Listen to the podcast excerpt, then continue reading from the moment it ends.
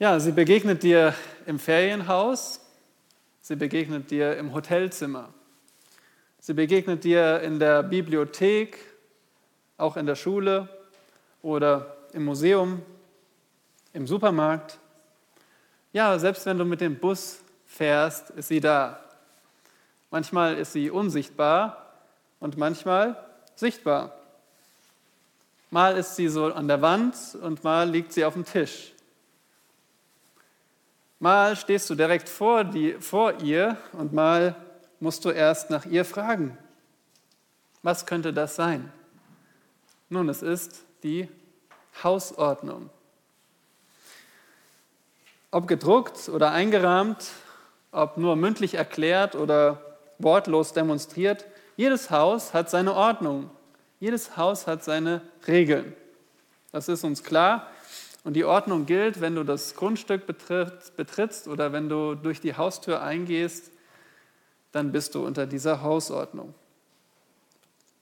Nun, denk mal drüber nach, worauf achtest du, wenn du zum ersten Mal bei jemandem zu Gast bist? Erstmal schaust du vielleicht, wo ist denn hier die Klingel? Wenn du die Klingel gefunden hast und begrüßt wurdest, dann fragst du dich, okay, äh, wo ziehe ich jetzt meine Schuhe aus? Soll ich die ausziehen? Soll ich Hausschuhe anziehen? Sollte ich vielleicht ein Geschenk mitbringen? Oh, das ist jetzt aber zu spät. Kann man nicht mehr ändern an dem Punkt. Aber wo soll ich sitzen? Wann kann ich anfangen zu essen? Also warte ich lieber, bis alle anfangen. Wer schenkt mir Getränke ein? Es gibt ja manche Haushalte, habe ich gelesen, da besteht da die Familie drauf, der Hausherr drauf, nur selbst einzuschenken. Wie viel soll ich übrig lassen vom Essen? Nun, wenn wir solche Regeln haben in unserem Haus, in unserer Wohnung, und wenn jedes öffentliche Gebäude so eine Hausordnung hat, wie viel mehr dann die Gemeinde Gottes? Auch die Gemeinde Jesu hat ihre eigene Hausordnung. Aber wo können wir die erfahren? Nun, Paulus schreibt diesen Brief an seinen ja, Mitarbeiter Timotheus, um genau das zu erklären.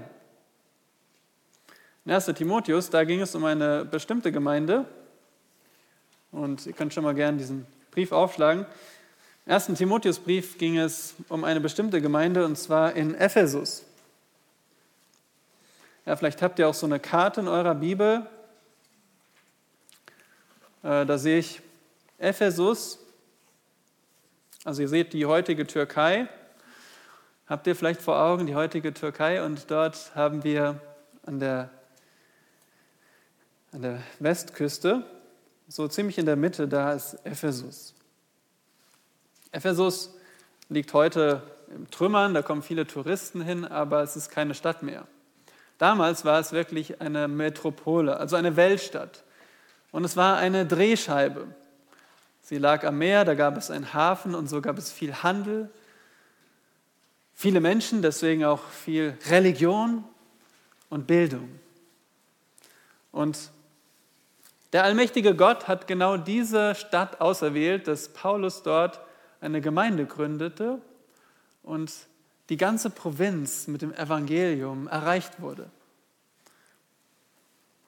Paulus gründete die Gemeinde dort in der dritten Reise und er war so lange da wie an keinem anderen Ort, nämlich drei Jahre.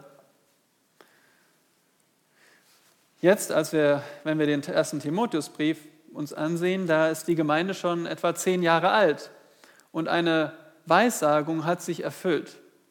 In der Gemeinde waren nämlich falsche Lehrer aufgestanden und lehrten jetzt über jüdische Lehren, über Märchen. Sie lehrten über eine höhere Erkenntnis und außerbiblische Gebote. Und diese Lehrer, die redeten aus Geldgier. Sie redeten sehr stolz. Und weil Paulus den Herrn Jesus liebte und seine Gemeinde, deswegen ließ er seinen besten Mann dort in Ephesus. Das war sehr wahrscheinlich nach seiner ersten Gefangenschaft, also als er dort wo er in Apostelgeschichte 28 in Haft ist. Ich glaube, dass er entlassen wurde und danach wieder auf Reisen ging und Timotheus dort, ähm, dort in der Stadt Ephesus ließ. Und er schrieb jetzt Timotheus diesen Brief. Paulus war weitergezogen nach Mazedonien und er schrieb diesen Brief als eine Art offenen Brief. Er schrieb an Timotheus, und der Brief heißt auch hier der Brief an Timotheus, aber es war ein Brief, den die ganze Gemeinde auch kennen sollte, weil es gerade um diese Hausordnung geht für die Gemeinde. Und weil der Heilige Geist diesen Brief als Wort Gottes getrieben hat, den Paulus getrieben hat, das zu schreiben, deswegen gilt auch dieser Brief als Hausordnung für die Bibelgemeinde. Der ganze Brief ist aber viel zu viel für eine Predigt. Was machen wir da? Wir konzentrieren uns auf den Kern. Und den finden wir genau in der Mitte des Briefes, nämlich in Kapitel 3, Verse 14 bis 16. Lass uns mal diesen, diese Verse zusammen lesen. Das Wort Gottes in 1 Timotheus 3, 14 bis 16. Dies schreibe ich dir in der Hoffnung, recht bald zu dir zu kommen damit du aber, falls sich mein Kommen verzögern sollte, weißt, wie man wandeln soll im Haus Gottes, welches die Gemeinde des lebendigen Gottes ist, der Pfeiler und die Grundfeste der Wahrheit. Und anerkannt groß ist das Geheimnis der Gottesfurcht. Gott ist geoffenbart worden im Fleisch, gerechtfertigt im Geist, gesehen von den Engeln verkündet unter den Heiden, geglaubt in der Welt, aufgenommen in die Herrlichkeit. Hier kommen wir zum Türscharnier des Briefes. Ihr kennt alle so eine Tür, die lässt sich so auf und zu bewegen und das geht, weil es an einem Scharnier hängt. Und so ist auch dieser Brief. Ja, der hat in der Mitte dieses Scharnier, um das sich alles dreht. Das sind diese Verse, diese Absicht. Und alles bewegt sich darum, was vorher kommt und was nachher kommt. Davor schreibt Paulus vor allem von der Gemeinde, von der Anbetung, die Gott gefällt, von einer Leiterschaft, die Gott gefällt. Und danach schreibt er vor allem an Timotheus. Timotheus muss gegen die falsche Lehre kämpfen. Und Timotheus Timotheus muss dafür sorgen, vorangehen darin, dass echte Witwen in der Gemeinde versorgt werden. Das sind ein paar Themen, aber hier in der Mitte ist das Scharnier, die Mitte, um die sich alles dreht. Das ist die Absicht. Und hier sehen wir in Vers 15, schaut mal, da heißt es, damit du, Timotheus, weißt, wie man wandeln soll im Haus Gottes die Elberfelder übersetzt, wie man sich verhält. Woran denkst du beim Verhalten in Gottes Gemeinde? Vielleicht denkst du daran, naja, wie ich mich verhalte sonntags zwischen 15 und 17 Uhr, weil da bin ich ja in der Gemeinde.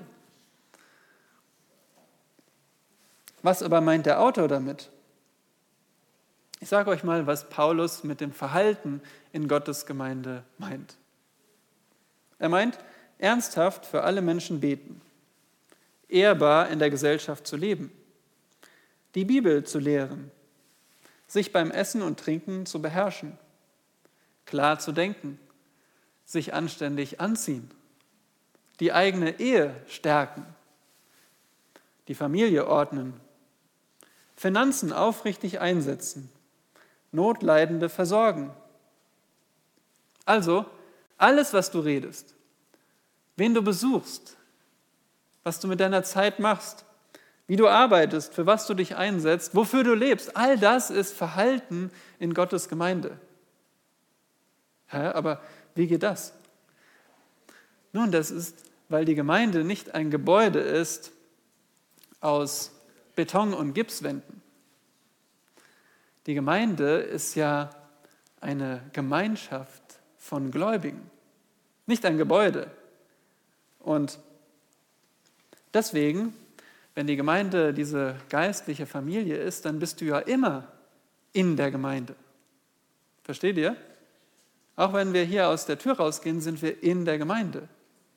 Und deswegen ist unser Verhalten zu jeder Zeit auch unser Verhalten in der Gemeinde. Das ist ganz wichtig zu verstehen. Aber da gibt es ein Problem. Was ist denn das Problem, zu jeder Tageszeit gottesfürchtig zu leben? Das Problem ist, dein sündiges Fleisch grätscht dir rein. Genauso bei mir. Unser Fleisch grätscht uns da rein. Und außerdem, die öffentliche Meinung widerspricht uns. Die Welt ist gegen dich und früher oder später wirst du verfolgt. Warum sollten wir dann so leben, wie es hier im Timotheusbrief steht? Und da sind wir auch schon beim Schlüssel angekommen, nämlich, was treibt uns an? Was ist die Motivation? Motivation ist der Schlüssel. Denk mal daran, wie wichtig es dir ist, wie jemand motiviert ist. Vielleicht bist du mal in der Situation, dass du jemandem eine Aufgabe gibst. Und da kann es sein, dass derjenige dann sagt, der braucht dann nochmal so eine Erinnerung und dann sagt er, ja, ich mache ja schon. Bist du damit zufrieden? Nein.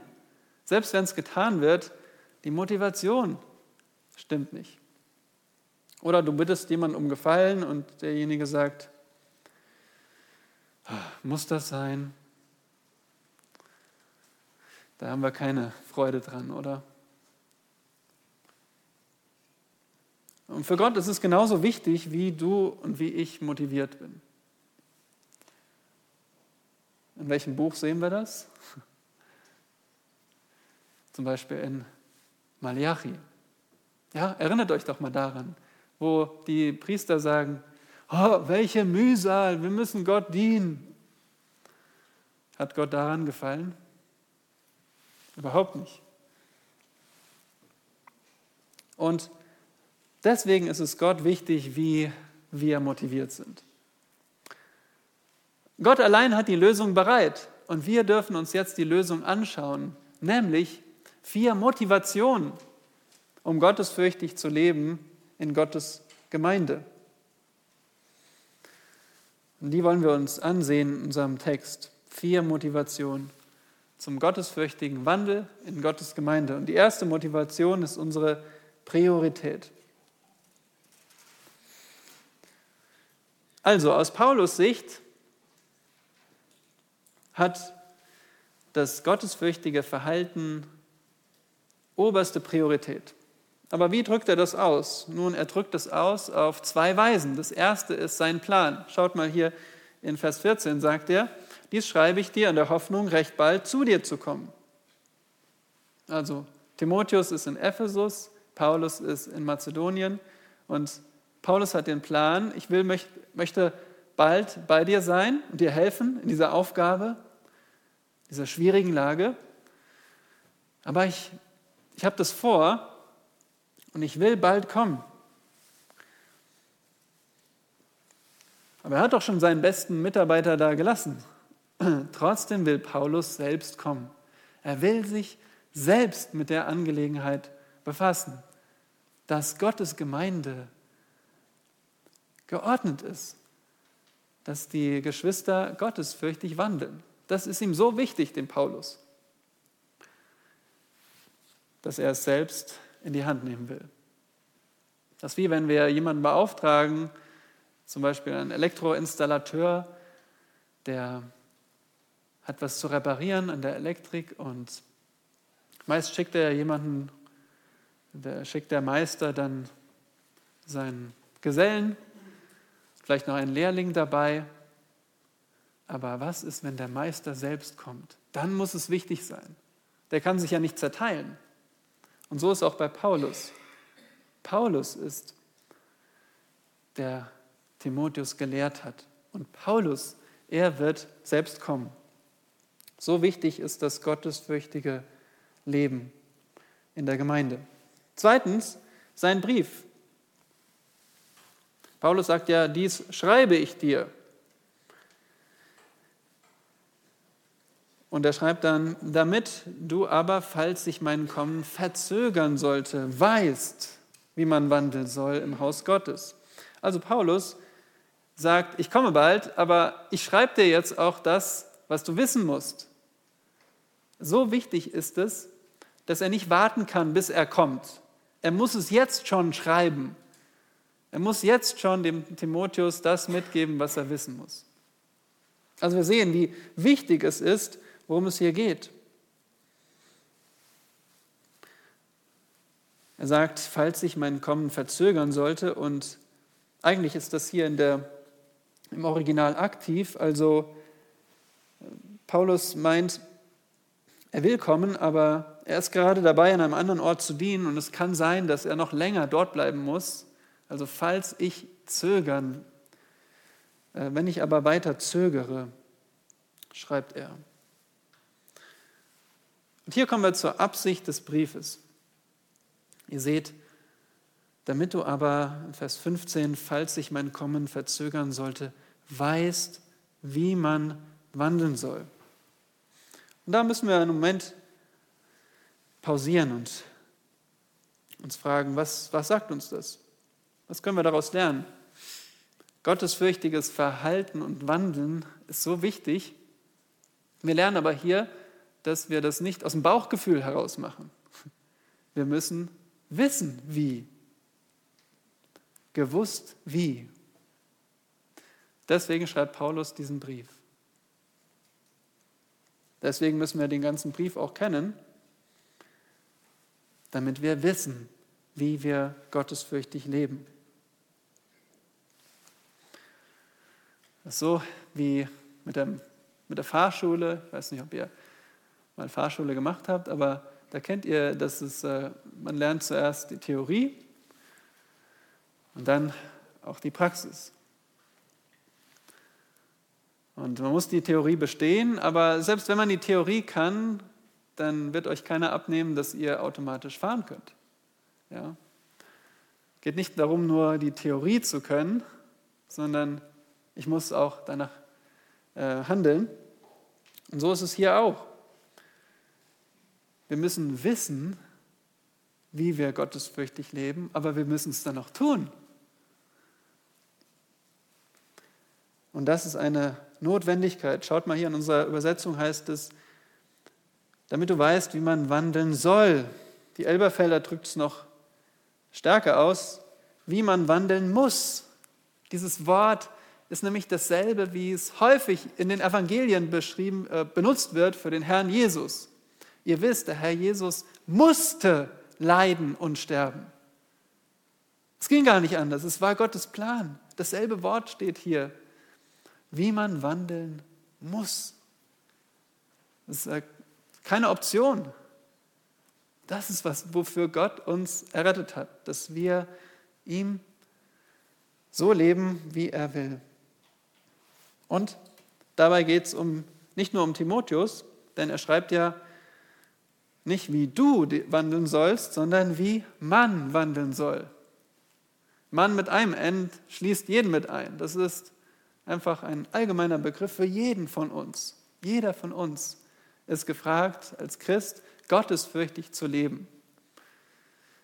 Ob wir hier zusammen sind, in diesem Gebäude, oder ob wir in unserem Alltag leben. Und was motiviert uns? Die Priorität. Heutzutage gibt es so viele Prioritäten, die miteinander konkurrieren. Steht das auf deiner Aufgabenliste ganz oben? Ich muss wissen, wie ich gottesfürchtig lebe. Und ich muss es auch tun. Was ist die zweite Motivation für dein gottesfürchtiges Verhalten? Das ist unser Besitzer. Vers 15b heißt es, damit du weißt, wie man wandeln soll im Haus Gottes. Das Wort kennen wir schon aus Kapitel 3, Vers 4. Da heißt es, ein Aufseher, ein Ältester muss seinem eigenen Haus gut vorstehen. Und schon da versteht ihr, das Haus ist nicht jetzt ein Haus mit gemeint. Was ist, wenn der Älteste in einer Wohnung lebt? Wie soll er dann seinem Haus vorstehen? Nun, also hier heißt ist das Wort Haus, ähm, ist auch ein Begriff für die Familie. Also wenn wir hier Haus lesen, können wir denken, es bezieht sich auf die Familie. Aber es kann auch ein Gebäude sein. Was jetzt von beiden? Schlagt mal Epheser auf. Es geht ja um die Gemeinde in Ephesus. Epheser 2, Verse 19 bis 20. Epheser 2, Kapitel 2 und dann Verse 19 bis 20. Da schreibt Paulus, Epheser 2, 19 bis 20. So seid ihr nun nicht mehr Fremdlinge ohne Bürgerrecht und Gäste, sondern Mitbürger der Heiligen und Gottes Hausgenossen. Wie beschreibt er da die Gemeinde? Als Mitbewohner, Mitbewohner Gottes, als solche, die im Haushalt wohnen. Also Familie. Schauen wir mal in Vers 20 auferbaut auf der Grundlage der Apostel und Propheten, während Jesus Christus selbst der Eckstein ist. Hier wird die Gemeinde beschrieben als ein, ein Haus, ein Gebäude. Also Haus Gottes, das beschreibt für uns beides. Die Gemeinde ist die Familie Gottes und Gott ist unser Vater, aber wir sind auch das Bauwerk, das Gebäude Gottes. Und Gott ist unser Baumeister, unser Herr und Besitzer.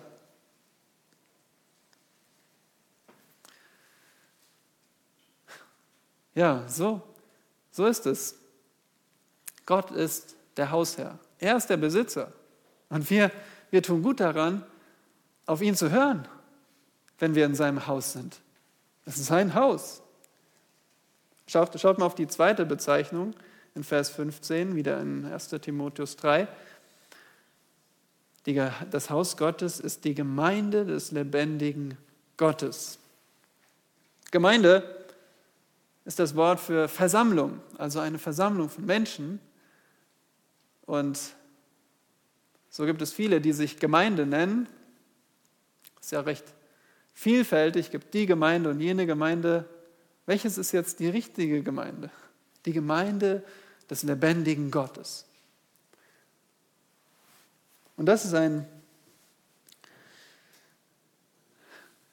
grenzt die Gemeinde ab von allen anderen Versammlungen, die nichts mit der Gemeinde Jesu zu tun haben. Hier ist es die Gemeinde des lebendigen Gottes, ein Titel, den wir auch kennen aus dem 1. Thessalonicher 1, Vers 9. Da heißt es, denn sie selbst erzählen von uns, welchen Eingang wir bei euch gefunden haben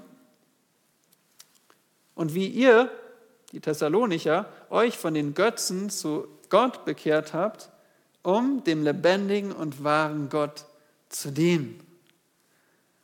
Das, also durch Bekehrung zu dem lebendigen Gott wird man Teil der Gemeinde des lebendigen Gottes.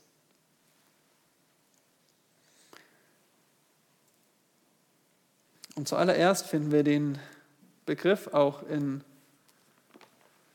5. Mose. Da habe ich das gefunden. In 5. Mose, da sehen wir die zehn Gebote nochmal noch mal bekräftigt für die zweite Generation der Israeliten.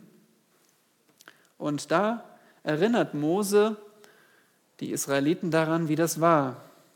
Denn die waren ja damals Kinder oder noch nicht geboren und Mose erzählt ihm, damals hat der Berg Sinai geraucht, da gab es Feuer auf dem Berg.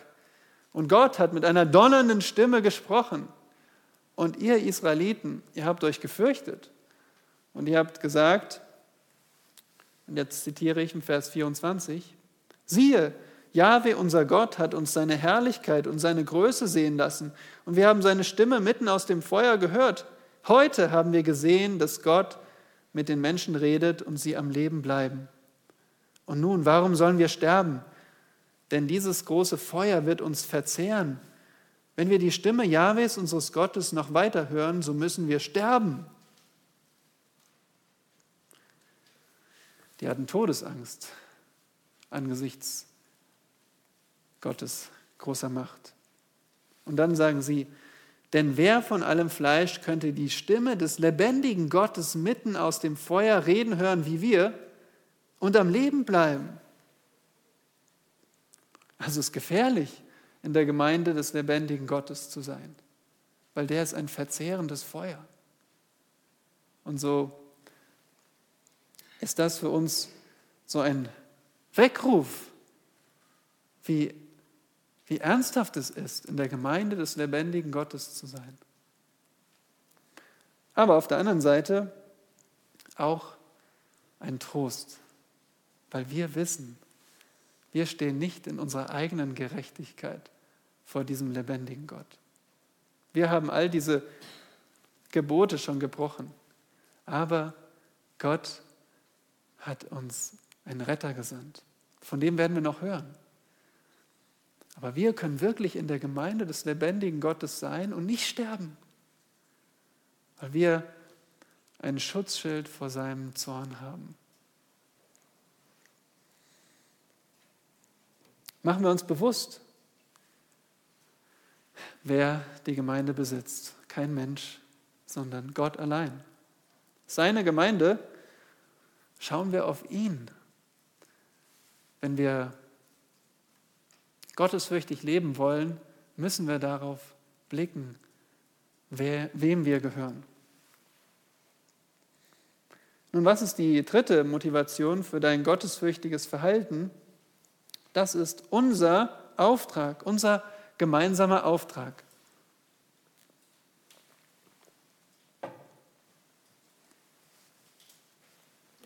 Was ist der Auftrag der Gemeinde? Das finden wir hier in Vers 15. Und das ist auch ein, ein guter Maßstab, um zu, sich zu fragen, ist das jetzt eine gute Gemeinde?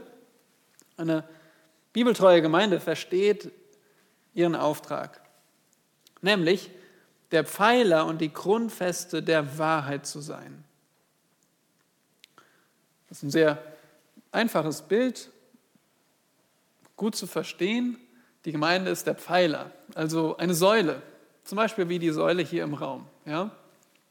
Was hat diese Säule im Raum für eine Eigenschaft? Wie auch jede andere Säule eines Bauwerks. Nun, sie steht einfach da und das ist gut so. Sie ist beständig.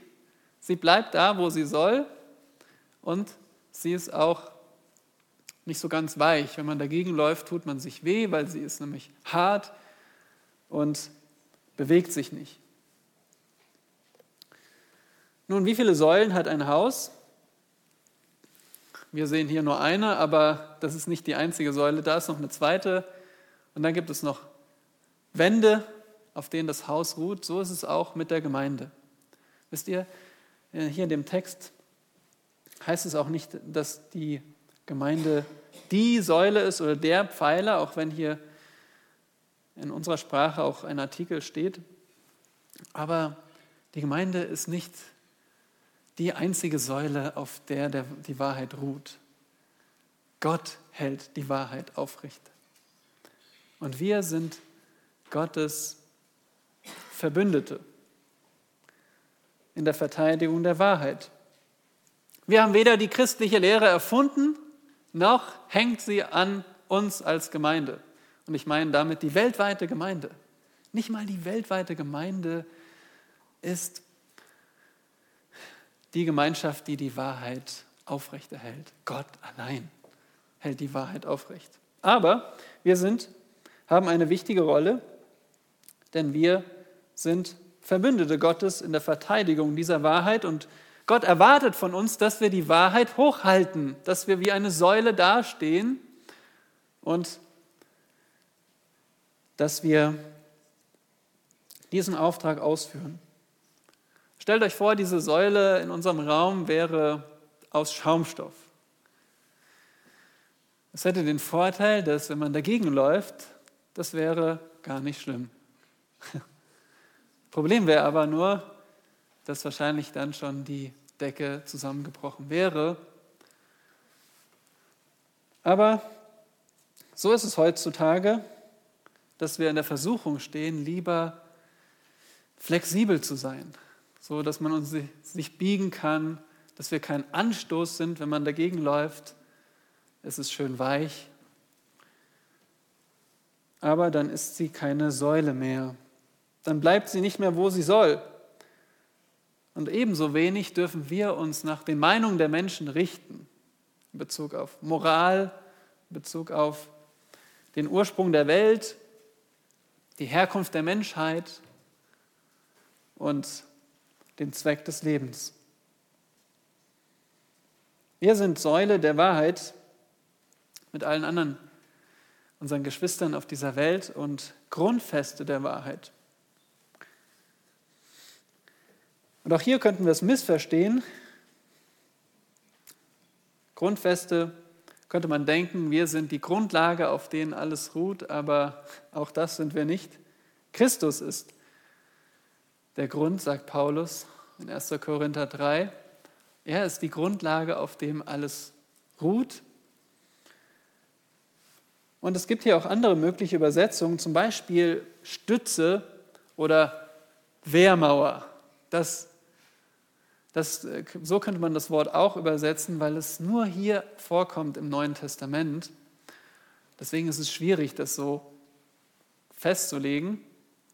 Aber das ist die Idee. Etwas, was feststeht, was wehrhaft ist. Und so ist die Frage, aus welchem Material ist unsere Säule als Gemeinde? Sind wir wenig Anstoß und eher flexibler Schaumstoff? Oder sind wir Marmorstein? Ist das nicht eine würdige Aufgabe für uns? Wir dürfen mit daran teilhaben, diese Rolle in der Welt zu sein, dass wir die Wahrheit nicht nur bewahren für uns, sondern dass wir dafür stehen. Mit unserem Leben, mit unserem gottesfürchtigen Wandel für die Wahrheit. Aber jetzt ist die Frage noch offen, welche Wahrheit denn? Paulus, welche Wahrheit? Ich will ja, wir wollen diese Säule sein. Welche Wahrheit? Die Antwort steht in Vers 16.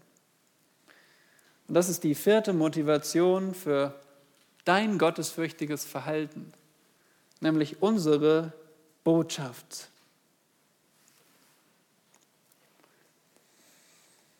Hier in Vers 16 zeigt uns Paulus den Inhalt der Wahrheit.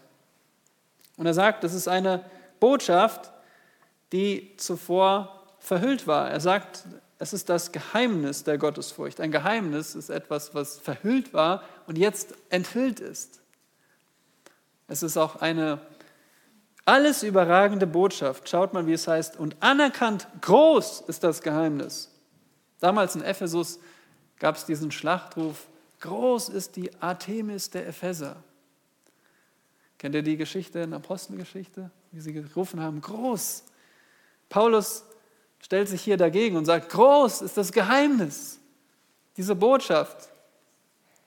Und drittens, diese Botschaft ist eine unleugbare Botschaft. Das ist ermutigend auch für dich, wenn du daran denkst, wie Menschen, die du kennst, darüber lachen und sagen, ja, das kann doch nicht sein, was du glaubst, oder auch dir eine Liste schicken von Gegenargumenten, warum das falsch ist, was du glaubst. Paulus ermutigt dich und sagt, schau mal hier, es ist anerkannt groß. Die Luther-Übersetzung übersetzt, es ist, wie jedermann bekennen muss. Jeder muss zustimmen. Eines Tages wird auch jeder zustimmen, weil es die Wahrheit ist. Wahrheit ist Wahrheit, so wie die Dinge sind. Aber was ist diese Botschaft? Es ist das Geheimnis der Gottesfurcht. Ein anderes Wort dafür ist Gottseligkeit. Aber was bedeutet das? Das Wort ist uns schon in 2 Vers 2 begegnet. Ein Leben führen in aller Gottesfurcht. Nun, dieses Wort hat die Idee der Furcht des Herrn im Alten Testament. Das kennt ihr, die Furcht des Herrn. Und das bedeutet diese große Ehrfurcht vor Gott. Und die kommt daher, dass man Gott kennt. Da fängt alles an, Gott echt zu kennen. Und wenn ich Gott echt kenne, dann bete ich ihn an. Und wenn ich ihn anbete, dann höre ich auf ihn und gebe mich ihm hin und lebe nach seinem Willen. Das ist so zum Beispiel wie dieser Ventilator hier.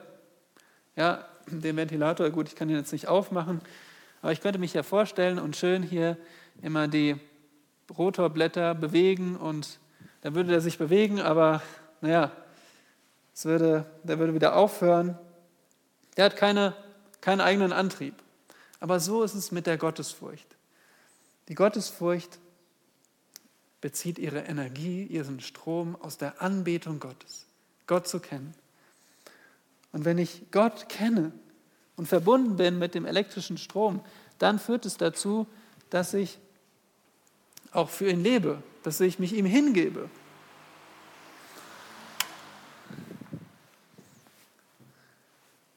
Und wie geht das jetzt? Nun, wir haben gesagt, ich muss Gott kennen. Und deswegen ist auch das Geheimnis der Gottesfurcht keine Theorie, keine neue Philosophie, sondern eine Person. Schaut mal hier, wie es heißt, Doppelpunkt. Gott ist geoffenbart worden. Es geht um Gott. Und jetzt wollen wir diese Botschaft, auf diese Botschaft achten, die eine Person ist. Und hier haben wir wahrscheinlich ein, ein Lied. So wie wir Lieder singen, so gab es damals geistliche Lieder. Und hier haben wir sehr wahrscheinlich ein Lied. Und ein Lied ist geordnet in Strophen. Da gibt es verschiedene Ansichten. Wir schauen uns das Lied mal an in drei Strophen. Drei Strophen. Und jede Strophe hat zwei Zeilen. Und die erste Strophe geht darum, um das Werk dieser Person. Das Werk, das vollendet ist. Schauen wir uns die ersten zwei Zeilen an. Gott ist geoffenbart worden im Fleisch. Wer kann das sein? Wie kann Gott geoffenbart worden? Geoffenbart werden im Fleisch.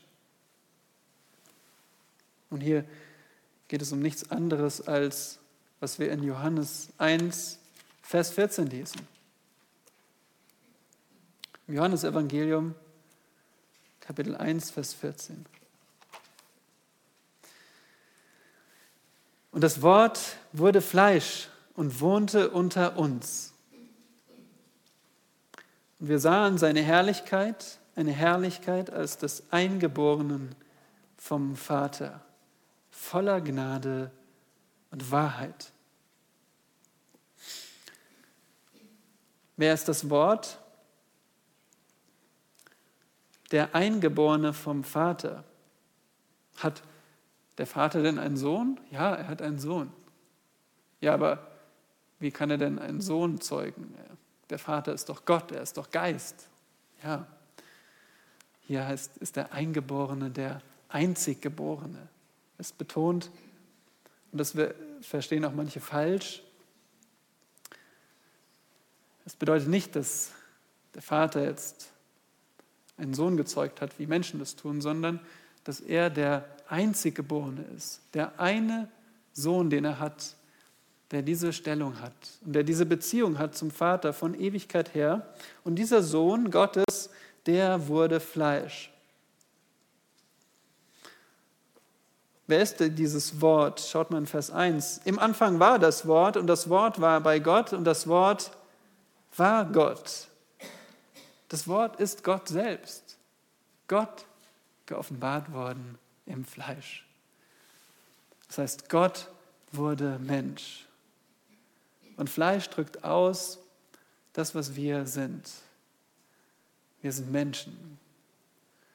Und die Frage ist sogar, da muss man drüber nachdenken, ja. Wurde der Sohn Gottes Mensch so wie Adam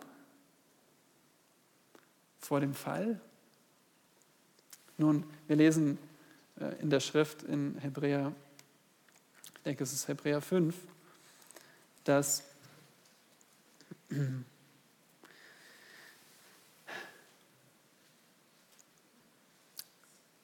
er ein Hohepriester für Menschen wurde, da er auch selbst mit Schwachheit behaftet ist. Nein, das, genau, das ist, da spricht es von dem menschlichen Hohenpriester. Er ist mit Schwachheit behaftet. Ähm, ich denke, ich meine eine andere Stelle. Und zwar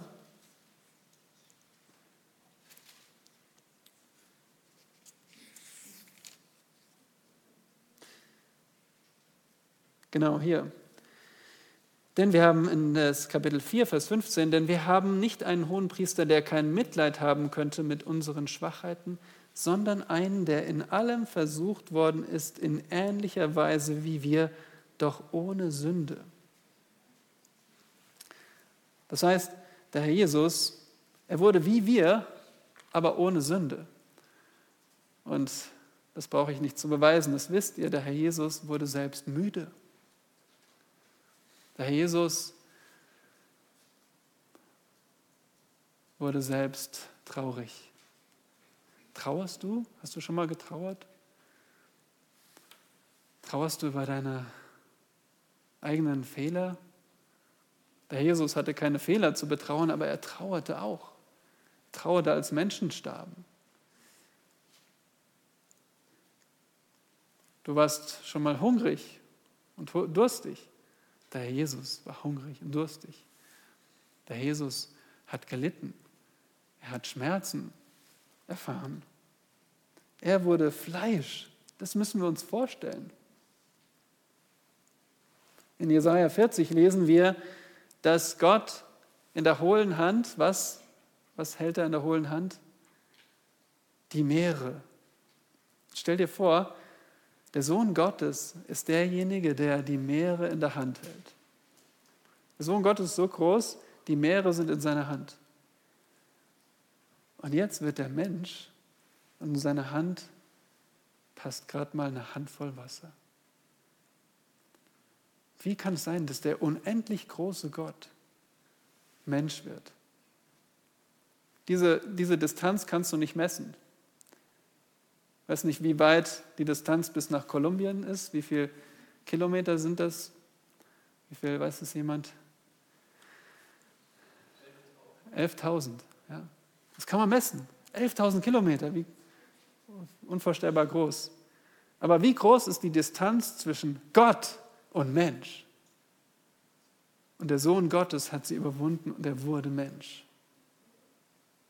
Das ist unsere Botschaft. Unsere Botschaft ist, dass er gerechtfertigt wurde im Geist. Was bedeutet das? Das erste haben wir verstanden, Gott wurde Mensch. In dem Mensch Jesus kam der Sohn Gottes auf die Erde. Er war wahrer Gott und hat wahre Menschennatur angenommen.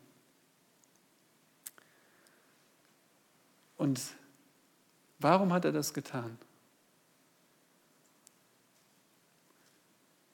Auch ohne das konnte er zu den Menschen reden. Auch ohne das konnte er den Menschen erscheinen. Auch ohne das konnte er die Menschen belehren. Wofür musste er Fleisch werden?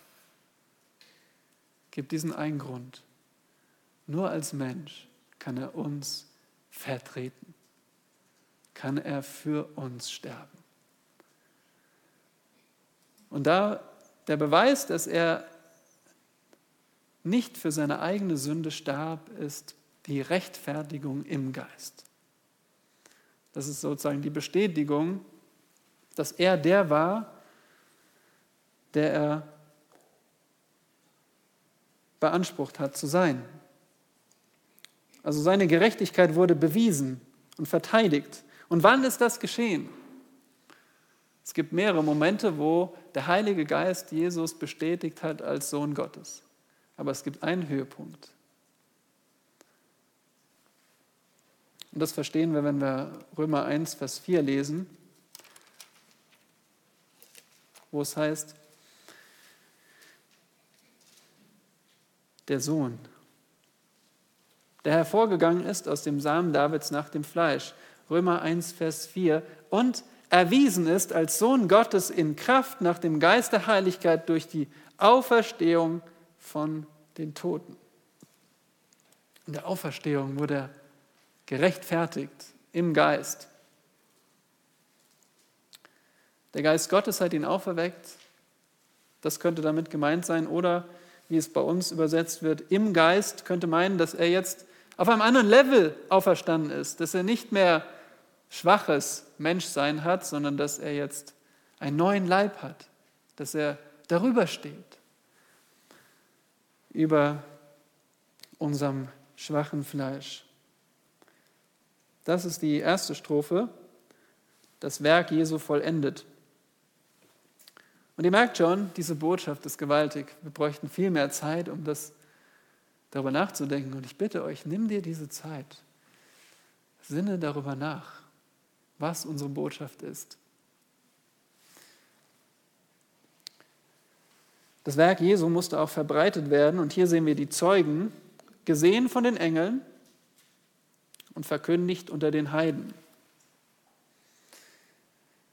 Gesehen von den Engeln dass der Herr Mensch wurde, Gott wurde Mensch und starb und stand von den Toten auf, das wurde gesehen. Zuallererst von den Engeln. Engeln waren bei der Auferstehung dabei, aber noch mehr als das, der Sohn Gottes triumphierte auch über die bösen Mächte und über die guten Engel. Denn, so hat Marcel uns vorher vorgelesen, er hat ihm den Namen verliehen, der über allen Namen ist. Und so wurde er nach seiner Auferstehung gesehen von den Engeln, von den Bösen und von den Guten. Er wurde auch verkündigt und wird es immer noch, hier wird es äh, betont, unter den Heiden. Ja, unter den Heiden, das sind die Nichtjuden. Wahrscheinlich hier alle, fast alle von uns. Oder alle von uns. Wir sind aus den Heiden. Und wisst ihr, wir waren ohne Hoffnung. Wir hatten keine Verheißung wie die Juden. Wir waren ohne Gott und ohne Hoffnung. Aber die, diese Botschaft wird verkündigt. Genau den, den Heiden. Und das immer noch. Was motivierte zum Beispiel Missionare wie Jim und Elizabeth Elliot, dort zu den Aukas zu gehen, in den Dschungel? Oder die anderen ungenannten Missionare? Es war diese Botschaft, dass diese Botschaft für diese Menschen ist. So heute genauso. sonst, sonst säßen wir nicht hier, oder? hätte nicht uns jemand, uns, den Heiden, das Evangelium verkündet. Und schließlich, das Werk Jesu wurde anerkannt. In Vers 16 am Ende, geglaubt in der Welt. Das ist das Evangelium. Das Evangelium ist Glaube. Glaube an diesen Gott, der Fleisch wurde. Er wird geglaubt in der Welt. Und damit meint Paulus die Welt der Menschen. Alle, alle Menschen. Wie kann er sagen, in der Welt? Nun, Paulus, ihr wisst es, an der Stelle war er bis nach Rom gekommen. Und er hat wirklich erlebt, dass die damalig bekannte Welt im Mittelmeerraum, die, dort gab es an vielen Orten Gläubige, die genau dieses Evangelium glaubten. Und auch Paulus hat geglaubt und hat durch den Glauben Vergebung erfahren. Wie er sagt in Vers 15 in Kapitel 1, glaubwürdig ist das Wort und aller Annahme wert, dass Christus Jesus in die Welt gekommen ist, um Sünder zu retten, von denen ich der Größte bin. Der allergrößte Sünder wurde schon gerettet. Deswegen gibt es Hoffnung für jeden von uns und für jeden Menschen in dieser Welt. Und schließlich wurde der Herr Jesus aufgenommen in die Herrlichkeit. Und das Wort aufgenommen wird viermal für die Himmelfahrt gebraucht. Hier ist also die Himmelfahrt gemeint, dass der Herr Jesus in den Himmel auffuhr und von Gott dem Vater aufgenommen wurde. Und dort thront er jetzt, ist unser Hoherpriester und kommt wieder auf diese Erde, um als rechtmäßiger König zu regieren. Und hier sehen wir den Unterschied zwischen allen Religionen und dem Glauben an Christus. Alle Religionen zeigen dir einen Weg, wie der Mensch zu Gott kommen kann. Und der Mensch will aufsteigen. Der Mensch will Vorgaben halten und sagen können, ja, ich habe das gehalten, diese Regel, ich habe den Glauben bewahrt. Vielleicht auch, ich habe mich angestrengt und ich komme jetzt zu Gott. Aber das ist der Gegensatz zum, zur Wahrheit. Die Wahrheit ist, nein, wir haben versagt. Wir erreichen aus eigener Kraft niemals Gottes Vollkommenheit. Nein, Gott, der Vollkommene, wurde Mensch, kam zu uns. Und Gottseligkeit erreichen wir nicht für unsere Anstrengung, sondern als Geschenk durch den Sohn Gottes. Das ist unsere Botschaft. Und die Frage ist, wenn du Jesus anblickst, siehst du Gott.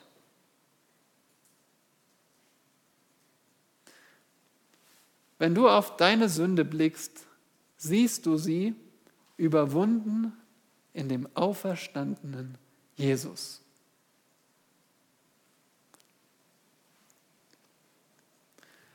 Siehst du in diesem Universum nur einen Helden, Jesus Christus.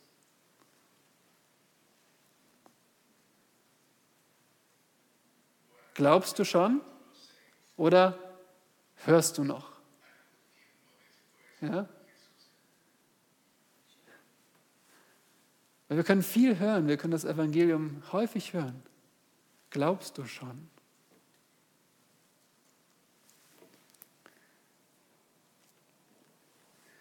Bist du unter den Glücklichen, die das Evangelium gehört haben? Glaubst du schon? Und freust du dich für Jesus, dass der Vater ihn in die Herrlichkeit aufnahm? Das ist in erster Linie erstmal eine Freude für den Herrn. Unabhängig von uns. Aber dann, wenn wir ihm glauben, dann wissen wir auch, wir sind mit ihm verbunden. Und wir, wir werden genauso verherrlicht. Ich komme zum Ende. Und Spurgeon sagte in seiner Predigt über diesen Vers 16, ich drücke das jetzt sinngemäß aus, er sagt, solange es eine Bibel auf diesem Planeten gibt, auch wenn es nur eine Bibel gibt, haben wir die reine Wahrheit hier. Aber nur als ein ungepflanztes Samenkorn. Ja, wenn ihr so ein Samenkorn habt zu Hause, vielleicht in einem Glas, das hat die Kraft in sich, aber das ist ein Korn. Da wächst nichts draus. Aber das Korn muss wachsen und Frucht bringen. Und er sagt, dass damit, dass das, damit das Evangelium sich ausbreitet, braucht es Stimmen unsere Stimmen. Damit es in unserer Umgebung verankert wird, dafür braucht es Menschen, unsere Leben. Das ist nicht die Aufgabe von einigen wenigen, sondern von uns allen. Wir alle sind erlöst, um gottesfürchtig zu leben, damit die frohe Botschaft bekannt wird. Ja, und Gott könnte auch vom Himmel her mit Leichtigkeit rufen, und alle hören es, aber er hat sich entschieden, dass wir als Gemeinde Säule der Wahrheit sind, dass wir die Stimme sind für das Evangelium, dass wir der lebende Beweis sind, dass Jesus lebt. Und da, daher liegt der Antrieb für ein gottesfürchtiges Leben in der Beziehung zu unserem Herrn. Und ich wünsche dir, dass in der kommenden Woche deine Beziehung zum Herrn Jesus vertieft wird und dadurch gestärkt wird. Schau auf ihn. Amen.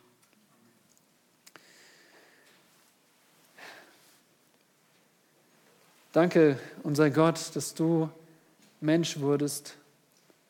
Jesus Christus, du, der Heiland, der Erlöser, der Held, du, der Besitzer auch dieser Gemeinde, unser Hirte. Danke für diese Botschaft und so bitte schenke auch den Glauben dazu, auf dass wir nicht nur hören, sondern Täter des Wortes sind. Deine Jünger werden und sind und als solche auf dich blicken, wenn uns Umstände entmutigen, dass wir dann auf dich blicken und unsere Beziehung zu dir in der kommenden Woche tiefer wird und aus diesem Antrieb heraus wir auch unser Leben sichtbar für dich leben und mit unseren Stimmen von dir weitersagen. Amen.